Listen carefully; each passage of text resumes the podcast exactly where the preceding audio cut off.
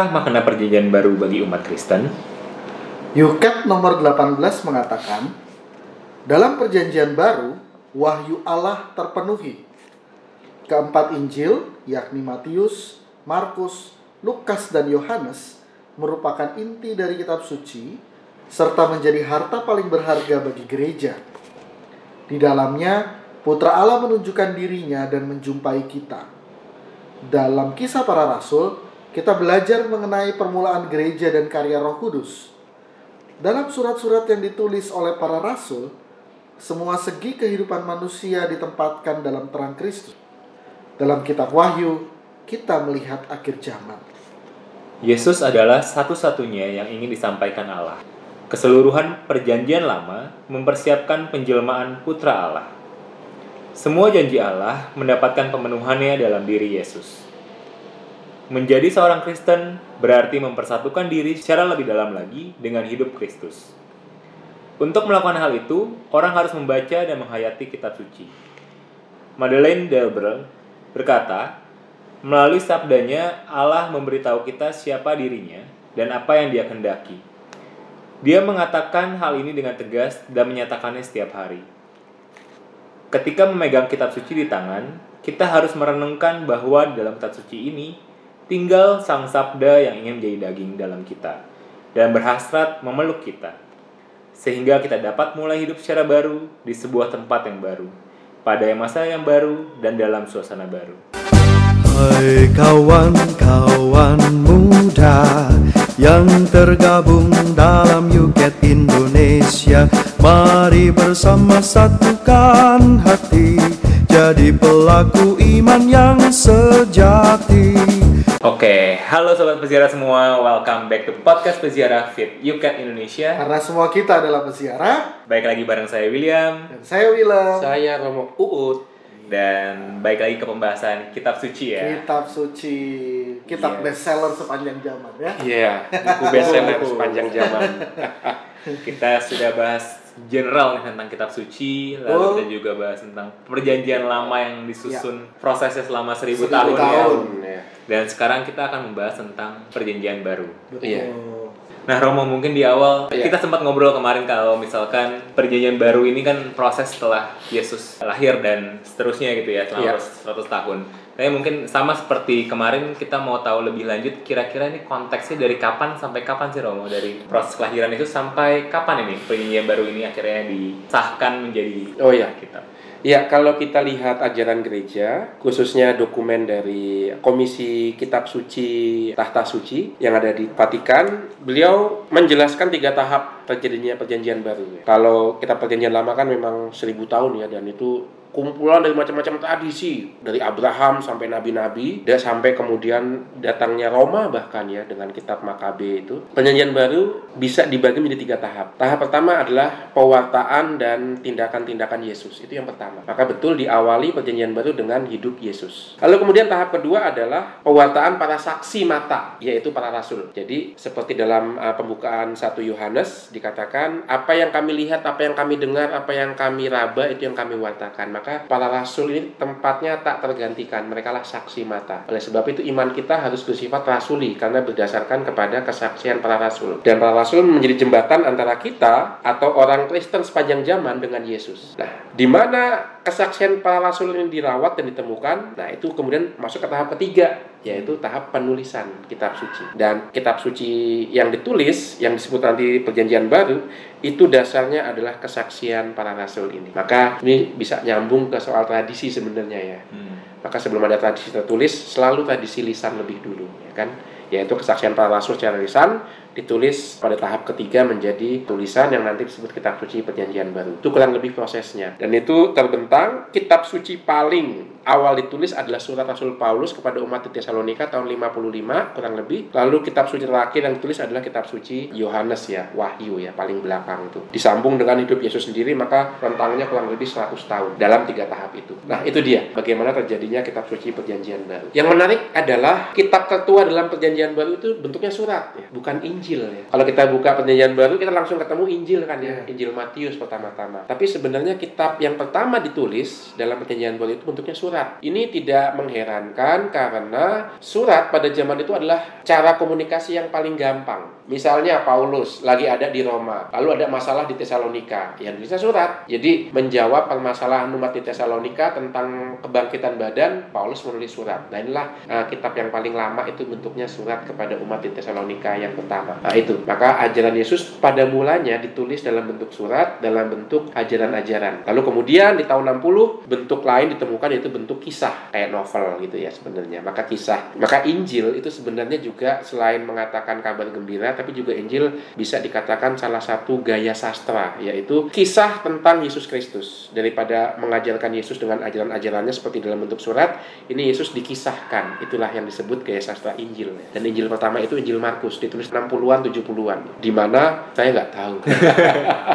ya nggak tahu. Itu agak selalu orang tuh nebak-nebak di mana di mana di mana. Tapi kebanyakan orang setuju Markus ditulis di Roma. Kepada umat di Roma yang sedang menghadapi penganiayaan itu sebabnya Injil Markus penuh dengan tidak tawan para murid ya kan. Murid begitu degil hatinya bahkan Petrus menyangkal tiga kali dan di dalam Injil Markus Yesus diakui ketika dia ada di salib. Mau menguatkan orang-orang Roma yang sedang dianiaya bahwa mereka tidak sendirian memanggul salib. Yesus juga menyertai mereka.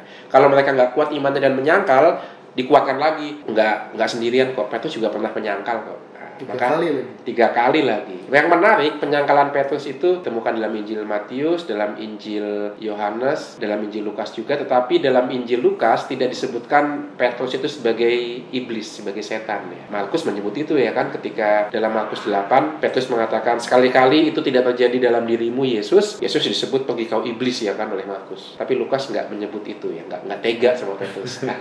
Tapi Markus tega karena orang Roma juga punya kelemahan yang sama dengan Petrus. Maka dikuatkan orang Roma. Petrus pun punya kelemahan seperti kamu kok. Kalau kamu gagal dalam hidup beriman, jangan takut. Kembalilah. Seperti dulu Petrus juga pernah gagal, tapi dia kembali. Nah itu kurang lebih tentang perjanjian baru gambarannya seperti itu. Mulai dari Yesus yang mewartakan, diteruskan oleh tradisi lisan para rasul, kemudian terakhir ditulis. Dan kemudian kurang lebih abad keempat, tahun 300-an, kumpulan tulisan baik tentang kisah Yesus maupun tentang ajaran Yesus disatukan lalu kemudian diangkat menjadi kitab suci yang edisi resminya itu baru selesai pada konsili Trente sebenarnya. Di abad ke-17 itu baru fix itu. Maka kanonnya tuh kitab suci udah ada tapi kanon resmi yang dikatakan ya ini dan tidak ada yang lain itu masih menunggu berabad-abad kemudian. Tapi kurang lebih para rasul dan gereja abad-abad pertama sudah memiliki kumpulan kitab suci yang namanya perjanjian baru itu secara fix kurang lebih sudah ada walaupun di beberapa keuskupan di Afrika Utara dan tempat lain itu agak ada tambahan-tambahan buku sebagai contoh di daerah, daerah Afrika ada yang namanya kitab Didake yang ditulis tahun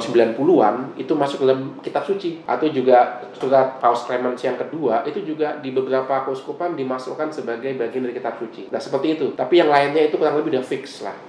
Seperti yang kita temukan perjanjian baru sekarang. Baru kemudian menjadi paten di Konsili Trente itu. Mantap udah nggak berubah-ubah lagi. Maka jangan pernah punya ide saya mau nambah kitab suci perjanjian baru nggak udah nggak bisa diubah. Surat Willem kepada Surat William. William kepada William nah itu itu mungkin kitab ah, kitab apalah kitab yukat ya tapi bukan kitab suci iya Nah, Romo, ngomongin tentang surat-surat nih Romo kan cukup banyak dalam perjanjian baru yang memang bentuknya berupa surat. iya Dan kalau bisa dibagikan ada dua bagian besar surat-surat Paulus dan surat-surat Katolik. Pertanyaan saya, kenapa ada dua pembagian itu? iya Kenapa surat Paulus tidak masuk dalam surat-surat Katolik? Iya Ataupun sebaliknya, oh ya sudah, surat ini satu kelompok besar aja. Iya, karena Paulus itu, wah ini dia tokoh besar ya. Dia tokoh besar, bahkan penulis kitab perjanjian baru yang pertama kan, surat tes kepada umat di Tesalonika. Dan surat-suratnya itu ternyata bisa menjawab pertanyaan-pertanyaan gereja muda yang masih harus bergulat dengan imannya. Allah menjadi manusia itu hanya ada dalam gereja. Yang lainnya lainnya dalam Yunani itu kan mitologi. Ah, dewa menjadi manusia, ada Hercules itu kan tidak hadir dalam sejarah. Tetapi Allah menjadi manusia hanya ada dalam gereja perdana, hanya ada dalam iman Kristen, yaitu Yesus Kristus. Dan itu kan tidak mudah memahaminya. Maka Paulus banyak menulis surat untuk menjelaskan itu, maupun juga konsekuensinya untuk hidup uh, moral, hidup ibadah, dan seterusnya. Maka jelas harus dibedakan. Ini tulisan dasar. Hmm. Dan apalagi Paulus juga menganggap dirinya rasul ya. Maka tradisi rasuli Paulus juga diterima oleh gereja karena surat-suratnya dibacakan tuh dalam perkumpulan mingguan yang diadakan oleh gereja. Nah itu, maka kemudian ada banyak ahli kitab suci membagi Paulus itu punya pengaruhnya banyak. Sebagai contoh, dia mempengaruhi Injil Lukas. Injil Lukas dipengaruhi oleh tulisan-tulisan dan teologinya si Paulus. Tidak hanya Injil Lukas, surat kepada orang Ibrani yang tidak ditulis oleh Paulus itu juga ada pengaruhnya dari Paulus. Surat Rasul Petrus, ya jelas namanya Petrus ya kepada Rasul Petrus pasti. Tetapi ada banyak pengaruh Paulus dalam perjanjian baru. Lukas, Markus pun disinyalir juga kena beberapa pengaruh dari teologinya Paulus. Nah itu kebesaran Paulus. Maka perlu dibedakan dari surat-surat lainnya. Sebenarnya ada beberapa surat yang bentuknya bukan surat sebenarnya, Oh. tapi homili. Oh. Surat kepada umat Ibrani itu lebih cocok disebut sebagai homili sebenarnya, Oh. bukan surat. Lalu juga Wahyu, kitab Wahyu jelas surat ya, karena ditulis kepada tujuh gereja di Asia kan yang berbeda-beda. Nah, itu maka perlu dibedakan. Terkait penamaan Romo, kenapa Iya. disebut surat-surat Katolik? Iya, karena Katolik kan dari kata universal, Ya. umum. Maka ini surat-surat yang diterima di banyak gereja, banyak gereja-gereja, khususnya gereja-gereja besar. Kita tahu sampai abad keempat, abad kelima, sesuatu disebut Katolik kalau diterima di lima komunitas penting. Jelas yang pertama gereja induk Yerusalem. Antioquia Lalu Antioquia. Mengapa Antioquia penting? Karena di situ orang pertama kali pertama kali disebut. Kristen. Kristen dan di situ pusat misioner pertama ya kan Paulus berangkat dari Antioquia, Petrus berangkat dari Antioquia ya. Lalu yang kedua itu Alexandria Alexandria. ya karena di situ komunitas Yahudi begitu besar, komunitas diaspora Yahudi besar dan juga komunitas Kristen Yahudi besar di situ. Lalu kemudian ada Konstantinopel, ibu kota Kaisar Roma kemudian Bizantium dan yang terakhir Roma. Karena komunitas Roma sejak abad pertama itu diakui baik ya, sumbangannya gede, kolektenya gede untuk gereja-gereja lain. Maka uskup Roma disebut sebagai uskup yang bertahta di atas cinta kasih. Wah. Maka ketika di situ pendudukan ekonominya kuat, cintanya juga kuat dan banyak orang minta nasihat kepada uh, uskup Roma ya. Maka tradisi menghormati uskup Roma dijaga sampai sekarang dalam gereja Katolik melalui Bapak Paus ya. Sudah sejak tahun 90 ketika ada perpecahan di gereja lain, uskup-uskup minta nasihatnya ke Roma. Misalnya Paus Clemens itu nulis surat pada umat di Korintus. Dia bukan uskup Korintus, tapi kok punya punya keberanian intervensi ke Korintus ya karena tradisi itu. Seperti Paus sekarang kan bisa juga kan mengintervensi ke keuskupan-keuskupan lain.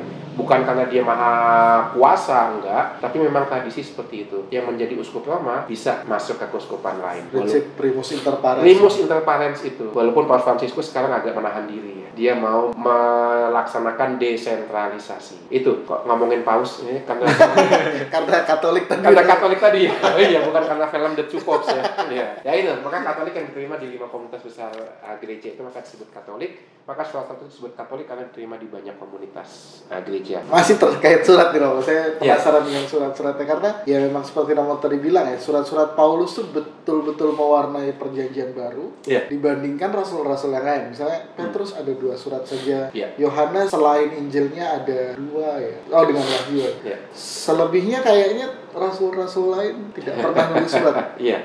Secara ilmiah, secara ilmiah lagi ya. Tapi kan kitab suci bukan hanya ilmiah. Tapi dari pendekatan sejarah uh, biblis, akhirnya tuh hanya dua rasul yang punya pengaruh kuat dalam perjanjian baru, Paulus dan Petrus. Pengaruh Petrus begitu kuat dalam perjanjian baru kelihatan dalam apa? Dalam struktur homilinya dia. Itu strukturnya jelas. Khotbahnya selalu mulai dari Yesus dibaptis. Kemudian Yesus yang berkarya, kemudian Yesus ditangkap, disalibkan, dibunuh, wafat, dan kemudian bangkit. Itu struktur homili Petrus. Dan struktur ini kita temukan dalam Injil, Injil Markus pertama-tama. Karena dalam tradisi Markus disebut muridnya Santo Petrus ya kan. Maka Petrus itu punya pengaruh homilinya karena bisa dijadikan sebagai struktur memahami pewartaan kerigma. Dimulai dari Yesus dibaptis sampai Yesus bangkit. Markus dipengaruhi oleh khotbahnya Petrus. Matius dan Lukas itu sebenarnya juga mengikuti khotbahnya Petrus, cuma ditambahkan kisah kanak-kanak. Jadi di Injil Matius dan Lukas kan juga sama ya, Yesus dibaptis lalu mulai mewartakan, tapi ditambahkan kisah kanak-kanak. Itu bedanya dengan Markus. Tapi struktur besar tetap mengikuti struktur kerigmanya Petrus sebenarnya. Yohanes promise Ah itu beda banget. Yohanes tidak mengikuti strukturnya Petrus karena Yohanes itu berangkat dari Rasul Yohanes rupanya. Rupanya Rasul Yohanes itu tidak banyak homili, tidak banyak khotbah, tapi banyak katekis pengajaran. Maka Yohanes punya struktur yang berbeda. Surat kepada umat Ibrani juga mengikuti kerikmanya Petrus. Dengan kata lain, betul-betul dua tokoh besar ini Paulus dan Petrus itu sangat berpengaruh. Ditambah Rasul Yohanes ya. Yohanes kan punya tiga surat ya kan yang mengakui dipengaruhi oleh Yohanes selain Injil Yohanes. Maka ada tiga bisa kita katakan Paulus, Petrus dan Rasul Yohanes. Rasul lainnya ke mana Romo? Ha, mungkin mereka tidak nulis surat ya. atau tidak berhomili. Tulis Ah, wah, nulis email juga nggak tahu gadgetnya ya kan. Itu makanya rajinlah menulis supaya dikenang ya, supaya Iya, iya. ajaran kita itu bisa diturunkan dari generasi ke generasi. Petrus yang nggak menulis tetap dikenang karena dia kerikmanya itu strukturnya itu mudah dicerna, nah, punya kekuatan. Rasul lainnya kita nggak tahu. Mungkin kerikmanya nggak terlalu terlalu sulit kali ya, sangat teologis ya. Kita nggak tahu juga. Nah itu Mungkinkah itu alasan kenapa gereja selalu merayakan pesta Rasul Paulus dan Santo Petrus. Iya, secara Nah, bersamaan. Secara bersamaan, iya mungkin itu alasannya yang pertama. Tapi juga bisa ada alasan lain. Banyak orang mempertentangkan kedua rasul ini. Petrus itu sangat hierarkis ya kan. Dia yang memegang kunci surga, dia menjadi kepala para rasul. Maka bisa dikatakan Petrus itu simbol hierarki. Lalu Paulus itu apa? Wah Paulus itu anak nakal ini. Dia karismatik. Dia mau bergerak ke mana pun nggak dibatasin hierarki. Maka dia berani menegur Petrus. Paulus itu kan. Ketika di Galatia Petrus uh, makan bersama orang yang belum disunat. Tapi ketika ada orang dari Yerusalem datang lalu Petrus menjauhi diri, jaga image uh, supaya nggak dianggap campur dengan orang kafir ya kan. Paulus menegur Petrus tuh. Petrus kamu itu imannya lemah kok. Giliran orang Yerusalem datang lalu kamu jaim, nggak mau makan sama orang yang nggak disunat. Paulus berani negur Petrus loh itu. Maka ini yang betul-betul anti mainstream lah atau apalah karismatik. Maka kerap dipertentangkan. Padahal tidak. Kedua hal ini dalam gereja diterima. Maka karisma yang hidup di luar struktur itu punya tempat dalam gereja, tapi selalu ditempatkan untuk kemudian melayani ah, yang di struktur. Yang struktur juga kemudian juga melahirkan karisma-karisma lainnya. Maka pelayan Petrus dan Paulus sebenarnya mem- mau memperlihatkan dua jalan hidup gereja ini. Tetap terstruktur, tapi tetap juga terbuka pada bimbingan roh yang karismatik itu. Nah, itu. Sehingga gereja selalu seperti yang ada tertulis dalam t-shirtnya Willem itu, Ecclesia Semper Reformanda itu. gereja selalu diperbaharui karena dialog antara struktur dan karismatik itu maka gerakan karismatik Katolik jangan dijauhi ya itu itu tanda bahwa dalam gereja Katolik tetap ada tempat untuk Roh Kudus Ada kekayaan-kekayaan. kekayaan kekayaan luar biasa itu Paulus dan Petrus ya. Yohanes agak susah karena dia ngomongin kasih ngomongin Roh Kudus agak susah sebenarnya maka kan masih ingat nggak lambangnya Yohanes apa Burung burung Raja Wali. Raja Wali terlalu tinggi di atas gitu. Nah itu, maka menarik juga untuk melihat perjanjian baru yang begitu kaya. Saya sarankan kalau tertarik dengan perjanjian baru baca satu buku gereja yang ditinggalkan oleh para rasul. Di situ buku itu menjelaskan kitab-kitab ini dipengaruhi oleh rasul apa, kitab-kitab ini. Jadi kita tahu oh ya hubungannya seperti ini. Itu menarik sekali. Begitu, William. Wah, Mungkin William ada lagi yang mau di iya Rom. Ini mungkin nggak terlalu berkaitan dengan kitab-kitabnya, tapi aku Iya. penasaran. Aku sempat nanya sama Willem juga. Oke. Kan kalau di perjanjian baru ini kita ngomong banyak cerita tentang anak-anak Yesus, Iya. lalu cerita tentang Yesus ketika akhirnya mengajar, mewartakan Iya. di usia 30 sampai 33. 33 tahun Nah, ya. rentang dari masa kanak-kanak Yesus sampai usia 30 itu Yesus ke mana ya, Rom? Nah, itu dia. Ke mana ya? Spekulasi muncul. Ke India, belajar pengobatan dan ilmu magic. Iya. Ke Mesir, ya kan? Dan macam-macam. Yang menarik, spekulasi-spekulasi ini bukannya tanpa makna, karena ini kebanyakan lahir dari tulisan-tulisan yang disebut apokrif. Apokrif adalah tulisan tentang Yesus, tapi yang nggak masuk dalam kanon kitab suci. Sebagai contoh, kenapa muncul spekulasi Yesus masa kecil sampai dewasa sebelum tampil depan umum itu belajar ke Mesir? Karena ada dalam kitab Protevangelium Yakobus, dikisahkan ketika Yesus mengungsi ke Mesir, itu Yesus bisa mengubah mainan dari burung tanah liat menjadi burung betulan. Karena dihembusi, dikasih nafas oleh Yesus burung tanah liatnya itu. Lalu muncul spekulasi, jangan-jangan Yesus balik lagi ke Mesir tuh untuk mengembangkan ilmu sihir di sana sebelum melayani. Atau juga ke India. Kenapa India? Wah itu dia. Mungkin juga spekulasi yang lahir juga dari tulisan-tulisan apokrif ini ya. Itu pentingnya tulisan apokrif untuk bisa melihat kejiwaan dan pemikiran orang-orang Kristen pada abad kedua, abad ketiga. Nah itu dari mana lahir spekulasi-spekulasi seperti itu. Lalu yang sebenarnya bagaimana? Kita tidak tahu, tapi dalam Injil Lukas kita dikasih paling tidak clue-nya. Injil Lukas mengatakan setelah Yesus ditemukan di bait Allah umur 12 tahun dikisahkan dia besar di bawah tuntunan Maria dan Yosef dan taat kepada kedua orang tuanya sampai kemudian nanti dia tampil depan umum mulai dengan pembaptisan. Hmm. Maka menurut saya spekulasi yang paling tepat adalah setelah Yesus ditemukan di bait Allah, dia tetap tinggal di Nazaret belajar jadi tukang kayu yang baik sampai nanti dia tampil depan umum. Masa setelah Yosef meninggal, Maria tinggal sendirian, Yesus pergi ke Mesir. Masa ibunya ditinggal sendirian begitu aja? Tega banget Yesus ya kan? Atau dia pergi ke India meninggalkan janda Bunda Maria sendirian enggak? Saya lebih yakin kalau mau mengisi informasi tentang rentang waktu itu Yesus tetap tinggal di Nazaret, belajar tukang kayu dari bapaknya dan ketika bapaknya wafat, dia tetap menemani Maria menjalankan profesi tukang kayu sampai kemudian dia meninggalkan profesi itu menjadi guru pengajar keliling setelah dia dibaptis. Kurang lebih itu informasi yang lebih terpercaya. Hmm. Nggak perlu lah belajar ke Mesir atau ke India. Udah jago Yesus. Ya putra Allah kok masih belajar ilmu magic ke India. Enggak lah. Mungkin belajar yoga, tapi enggak. yoga enggak juga ya. Enggak perlu yoga dia. Yoga kita lah yang belajar yoga ya kan. Sambil baca kitab suci kita mengolah nurani kita dan fisik kita. Itu William. Oke. Jawabannya. Ya. Mantap. Ya. Kitab terakhir dalam perjanjian baru adalah kitab Wahyu, Rob. Iya. Yang menurut saya sangat jauh berbeda dengan kitab-kitab yang lain. Ya. Pertanyaan pertama, apakah ini memang wahyu kepada Rasul Yohanes Ya. atau sebetulnya wahyu kepada orang lain lalu kemudian ditulis dengan nama Yohanes? Ya. Dan sebetulnya kenapa kitab ini muncul di tengah kitab-kitab yang tadi kita bicara tentang kisah Yesus, kisah para rasul, lalu tuntunan-tuntunan kepada gereja mula-mula lewat surat-surat. Lalu kenapa kitab ini menjadi penghujung daripada Itu Alkitab? dia. Itu yang namanya jeniusnya. jeniusnya penyusun kitab suci itu kok ya pas gitu ya. Dibuka dengan penciptaan, ditutup dengan penciptaan baru. Ciptaan yang diperbaharui dalam Injil, dalam Wahyu. Wah itu itu nggak tahu gimana kok ya bisa gitu ya.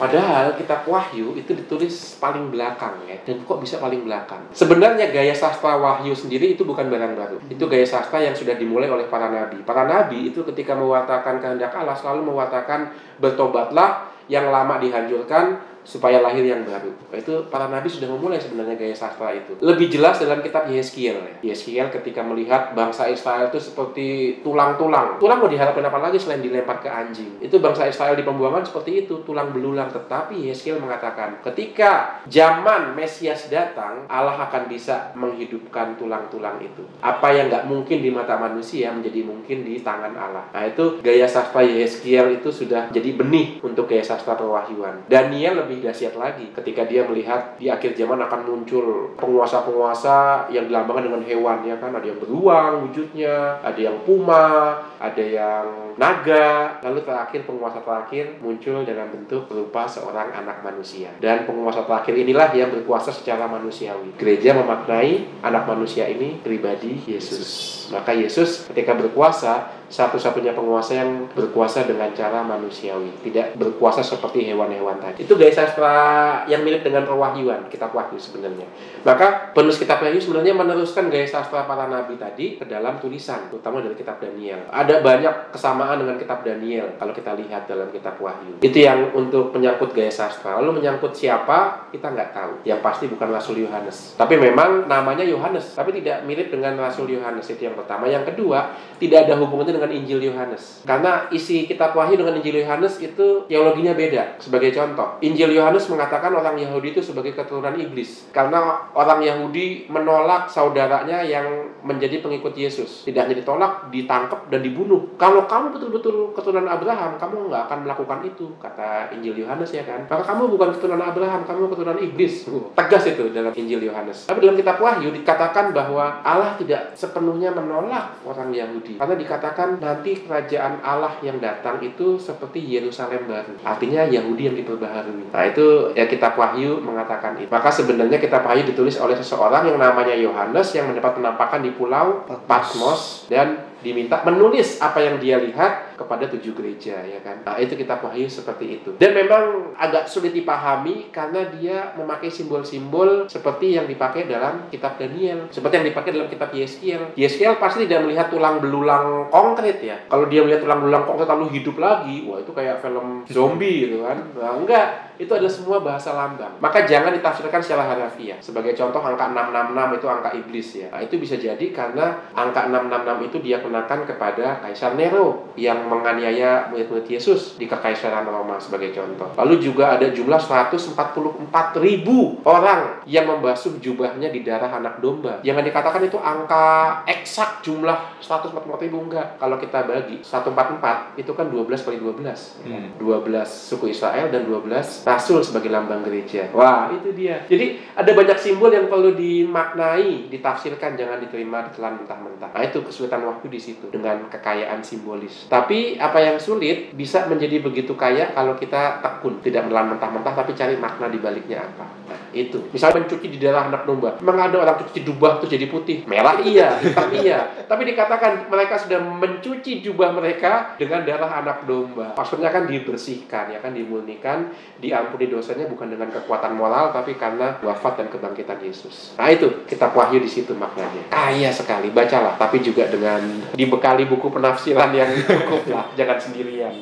Nah itu Wahyu seperti itu. Mungkin William ada lagi yang mengusut yang sama ini belum menemukan jawabannya ya. Cukup. Kalau perjanjian baru lebih Lebih- lebih familiar lebih familiar ya dibandingkan daripada perjanjian lama ya. Oke. Kayak lebih konkret karena kan ada bentuk dan mungkin film-film yang memang sudah Betul, sering ini iya. kan dibandingkan perjanjian lama. Perjanjian lama, lama lebih sulit karena juga budaya begitu berbeda, Yahudi dan seribu tahun ya susah ya. Tapi pelan-pelan kalau dibaca perjanjian lama juga menarik gitu. Saya ingin menyoroti sosok Paulus lagi, Rom. Oh gitu. Paulus bagaimana kita tahu ketika dia masih Saulus itu adalah orang yang mengejar-ngejar orang Kristen Ya. membunuh mereka bahkan tapi kemudian dia dipanggil menjadi Paulus dan menjadi ya seperti Romo tadi bilang rasul yang punya pengaruh besar dalam Betul. gereja perdana gitu ya pertanyaan saya itu kan temponya singkat sekali ya Ya. tempo ketika dia dari Saulus lalu menjadi Paulus Ah. tapi perbedaannya tuh kayak bumi dan langit dan dampaknya pun menjadi sangat besar Iya.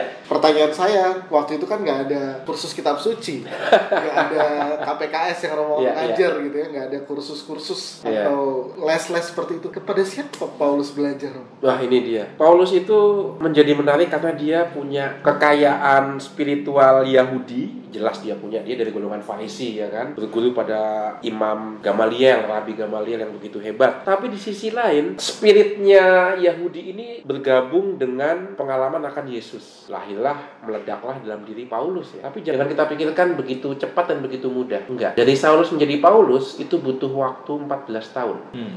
Jadi kita tahu memang dia tuh Saulus mengajar-ngajar orang Kristen ditangkap diserahkan ke tangan para imam kepala. Dan ketika dia dalam perjalanan ke mana Damsik ya, Damaskus, dia berjumpa dengan pengalaman Yesus yang mengatakan mengapa kamu menganiaya aku ya kan. Tapi itu baru titik awal yang belum sungguh-sungguh menjadi Paulus karena kemudian ketika dia menemukan Yesus, dia masih berpikir dan masih tinggal dalam pola Yahudi. Maka dikatakan Paulus dengan berkobar-kobar mewartakan Yesus. Saking semangatnya, orang Kristen di Damaskus itu hidupnya nggak tenang. Saking semangatnya, maka hidupnya nggak tenang. Maka dikatakan dengan agak sindiran ya. Dikatakan ketika umat Kristen Damaskus mengeluarkan Paulus dari kota Damaskus, orang Kristen di Damaskus hidup damai lagi.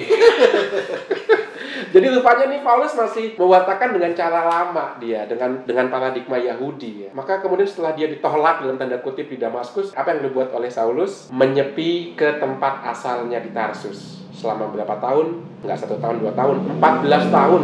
kayak Ya, seminari ya? Iya, iya di seminari gitu kan, diseminarikan. Lu sebelum mewartakan belajar dulu lu di kenapa Tarsus? Ya biasalah kalau orang kehilangan semangat, orang putus asa kembali ke tanah kampung halaman kan. Kan seperti ada lagu zaman dulu pulangkan saja aku ke rumah.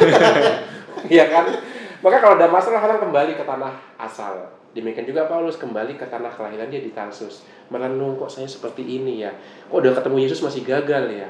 Sebelum nanti ditarik oleh siapa? Barnabas, ya kan? Eh, Rasul Barnabas lah yang menarik Paulus dari Tarsus diajak untuk pewartaannya. Di situlah Paulus belajar bagaimana mewartakan secara baru iman Kristen dari si Barnabas ini. Maka Barnabas itu kita lihat dalam kisah para Rasul ada yang menarik. Barnabas yang disebut sebagai anak penghiburan mendengar Paulus, menarik Paulus untuk rasulannya, maka dalam fase itu selalu nama Barnabas disebut dulu, kemudian nama Paulus. Tapi ketika Paulus sudah mulai pelan-pelan belajar, lalu pelan-pelan mengembangkan teologi dan imannya dan kemudian lebih tahu bagaimana cara mewartakan kisah para Rasul dengan sangat indahnya membalik. Bukan Barnabas lagi yang disebut awal tapi Paulus disebut awal dan Barnabas disebut yang kedua. Itu loh cara Paulus bertobat seperti itu ya. From zero menjadi hero. Tapi Paulus juga bukan berarti selesai dengan emosi dan amarahnya. Kalau kita baca surat kepada umat di Galatia nah itu disebut surat kemarahan ya. Kalau surat-surat awal disebut dengan rasa syukur dan berkat untuk umat di Galatia nggak ada rasa syukur itu. Apakah kamu sudah meninggalkan Injilmu langsung dikutuk itu umat Galatia tuh? Masih marah rupanya situ Paulus. Maka Paulus nggak cocok jadi pastor paroki. Dia cocoknya itu pewarta yang semangat berapi-api mendirikan gereja baru lalu pergi bikin gereja baru lagi. Tapi untuk penggembala nggak cocok. Umat banyak yang nggak betah sama Paulus nih. Seperti umat di Damaskus. Kurang lebih seperti itu. Tapi memang apa ya buat saya surat-suratnya Paulus tuh kan memang sangat dalam ya Romo ya. Iya. Dan bahkan ada banyak kekayaan gereja yang kemudian kita timba dari Betul. dari semangatnya Betul. Paulus itu Iya. yang kalau saya lihat wah ini orang berubahnya luar biasa. Iya, karena dia betul tidak sekali jadi 14 tahun bayangkan 14 tahun menjadi nothing bukan siapa-siapa dalam kesendirian di Tarsus. Kita kalau retret paling batas seminggu atau untuk uh, imam-imam Yesuit sebulan. Paulus 14 tahun retret gitu ya. Maka bisa kita bayangkan pengolahan Paulus luar biasa.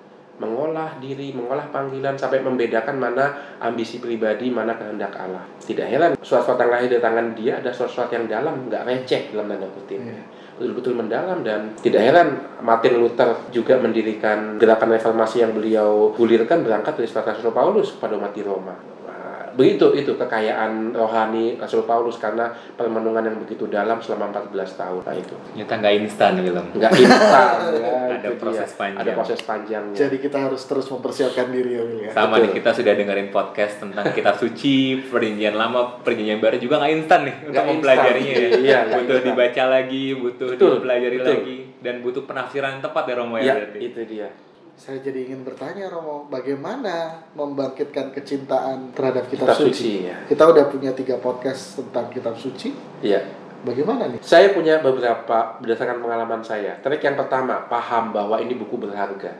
Hmm. Saya itu mencintai kitab suci karena tahu satu kisah tentang seorang misionaris Protestan yang mewartakan kitab suci, firman Allah juga di Rusia. Dia ditangkap dan disiksa semata-mata karena menyebarkan sobekan-sobekan kitab suci yang dirindukan. Maka ini buku berharga sampai orang rela disiksa untuk menyebarkan tulisan ini. Yang kedua, ini buku berharga karena sudah bisa mengubah Eropa, mengubah budaya Hmm. Ada satu filsuf Ernst Bloch mengatakan tidak mungkin orang membaca kitab suci tanpa membuat revolusi. Maka ini buku yang luar biasa. Jadi pahami dulu, ini buku bukan sembarang buku. Bukan Ya, buku recehan. bukan buku recehan lah, jelas lah Roh Kudus ada di situ. Maka dengan demikian penghormatan kita pada kitab suci muncul. Tapi tidak berhenti pada penghormatan, tapi yuk baca yuk. Maka kita yang kedua, langkah kedua adalah membaca dan perlu dipahami membaca dalam bentuk dialog, dialogku dengan Tuhan. Maka ketika kita membaca kitab suci, kita tahu Tuhan berbicara kepada kita dengan mediasi kitab suci. Maka dibaca sebagai buku doa juga ya. Itu cara yang kedua, langkah yang kedua, langkah yang ketiga, kitab suci menjadi berharga karena di situ ada satu kayak semacam puzzle yang perlu dipecahkan ya kan. Itu menjadi berharga ya. Sempat kan ngomong soal misalnya silsilah Yesus ya kan. Misalnya disebutkan Yehuda memperanakkan ini dan ini dari Tamar ya. Tamar itu ternyata wah punya keturunan dengan cara yang luar biasa. Kalau kita nggak mendalami lebih jauh, nggak menarik kitab suci. Tapi yang dikata seperti yang dikatakan William, nggak bisa kitab suci menjadi menarik dalam waktu singkat, secara instan nggak bisa. Langkah-langkah itu kalau kita ikuti, kita semakin cinta pada kitab suci. Nggak Karena nggak bisa kepindah ke lain hati lah. asik. Karena Alkitab itu kalau katanya Soren Kierkegaard Iya. itu surat cinta Allah untuk kita Romo. ya. Iya, itu soal Kierkegaard itu filsuf kegalauan dia. Dia kegelisahan dia dan dia menemukan hiburan dalam kitab suci ya. Allah mencintai kita apa adanya. Itu kitab suci surat cinta Allah kepada kita perlu ditambahkan melalui gerejanya. Jadi nggak Allah surat cinta langsung pada kita nggak tapi melalui gerejanya. Gereja yang merumuskan itu. Nah. itu dia. Ngomong-ngomong soal kitab suci yang berharga Romo, kan Iya. sekarang udah ada HP nih ya. Ya, Aku aja kalau baca kitab suci udah pakai apps gitu ya. Iya. Ada yang salah nggak sih dengan itu Romo? Atau ya sudah karena sudah perkembangan zaman tidak ada yang salah dengan itu? untuk saya itu tidak ada yang salah. Bahkan itu mem- membantu saya kalau cari kata gitu kan, cari search gitu langsung ketemu tuh semua perikop yang mengandung kata itu. Itu sangat membantu. Tetapi untuk saya, saya sarankan bacalah yang fisik, yang hard covernya. Karena apa? Karena dengan hard cover kita tahu bahwa perikop ini nggak berdiri sendiri. Dia itu ada di antara kitab-kitab sebelumnya dan kitab-kitab sesudahnya. Jadi dengan membaca hardcover kita tahu bagian dari kitab yang sedang kita baca itu punya hubungan dengan kitab sebelumnya dan kitab sesudahnya. Itu lebih mudah. Kalau aplikasi kan hanya yang ada di layar ya, yang ada di pinggir kanan layar kosong, pinggir kiri layar kosong. Ya itu kelemahannya aplikasi, tapi saya tidak mengharamkan aplikasi kitab suci. Itu sebabnya mengapa dalam liturgi kitab suci fisik nggak akan digantikan oleh kitab suci elektronik. Hmm. Nanti kalau diangkat yang kan merek HP-nya ya kan, Nah, nggak akan pernah digantikan. Ya. Ah itu kitab suci tidak berdasarkan aha nggak itu kitab menurut Injil Markus bukan menurut kitab Samsung atau kitab iPhone nggak akan tergantikan. Tapi tetap bisa dipakai untuk kebutuhan praktis. Gitu. Bagi saya itu fungsinya. Siap. Luar Siap. biasa Romo. Karena kata Santo Fransiskus Asisi kan membaca kitab suci itu berarti berpaling kepada Kristus untuk meminta nasihat. Jadi ya memang kita perlu punya waktu Betul. tersendiri gitu kali ya. punya waktu minimal 10 menit itu minimal 10 menit membaca kitab suci nah kalau makin lama berkembang nggak terasa satu jam kok kayaknya cepat ya nah itu dan pengalaman saya seperti itu Oke, thank you banget Romo untuk informasi Yes. tentang kisah perjanjian baru nih. Mungkin Ya. kita bakal banyak mulik-mulik juga tentang kisah-kisah rasul Ya. di kemudian hari kali Iya, ya. iya. Oke, kalau gitu saya William. Saya William. saya Romo Uut See you next time sobat berziarah. see you Bye. bye. Yuket Indonesia Majulah bersama-sama Janganlah mati Ungkapkan dalam kata dan karya Yuket Indonesia Teguhkan langkah bersama Jadi terang bercahaya Bagi orang muda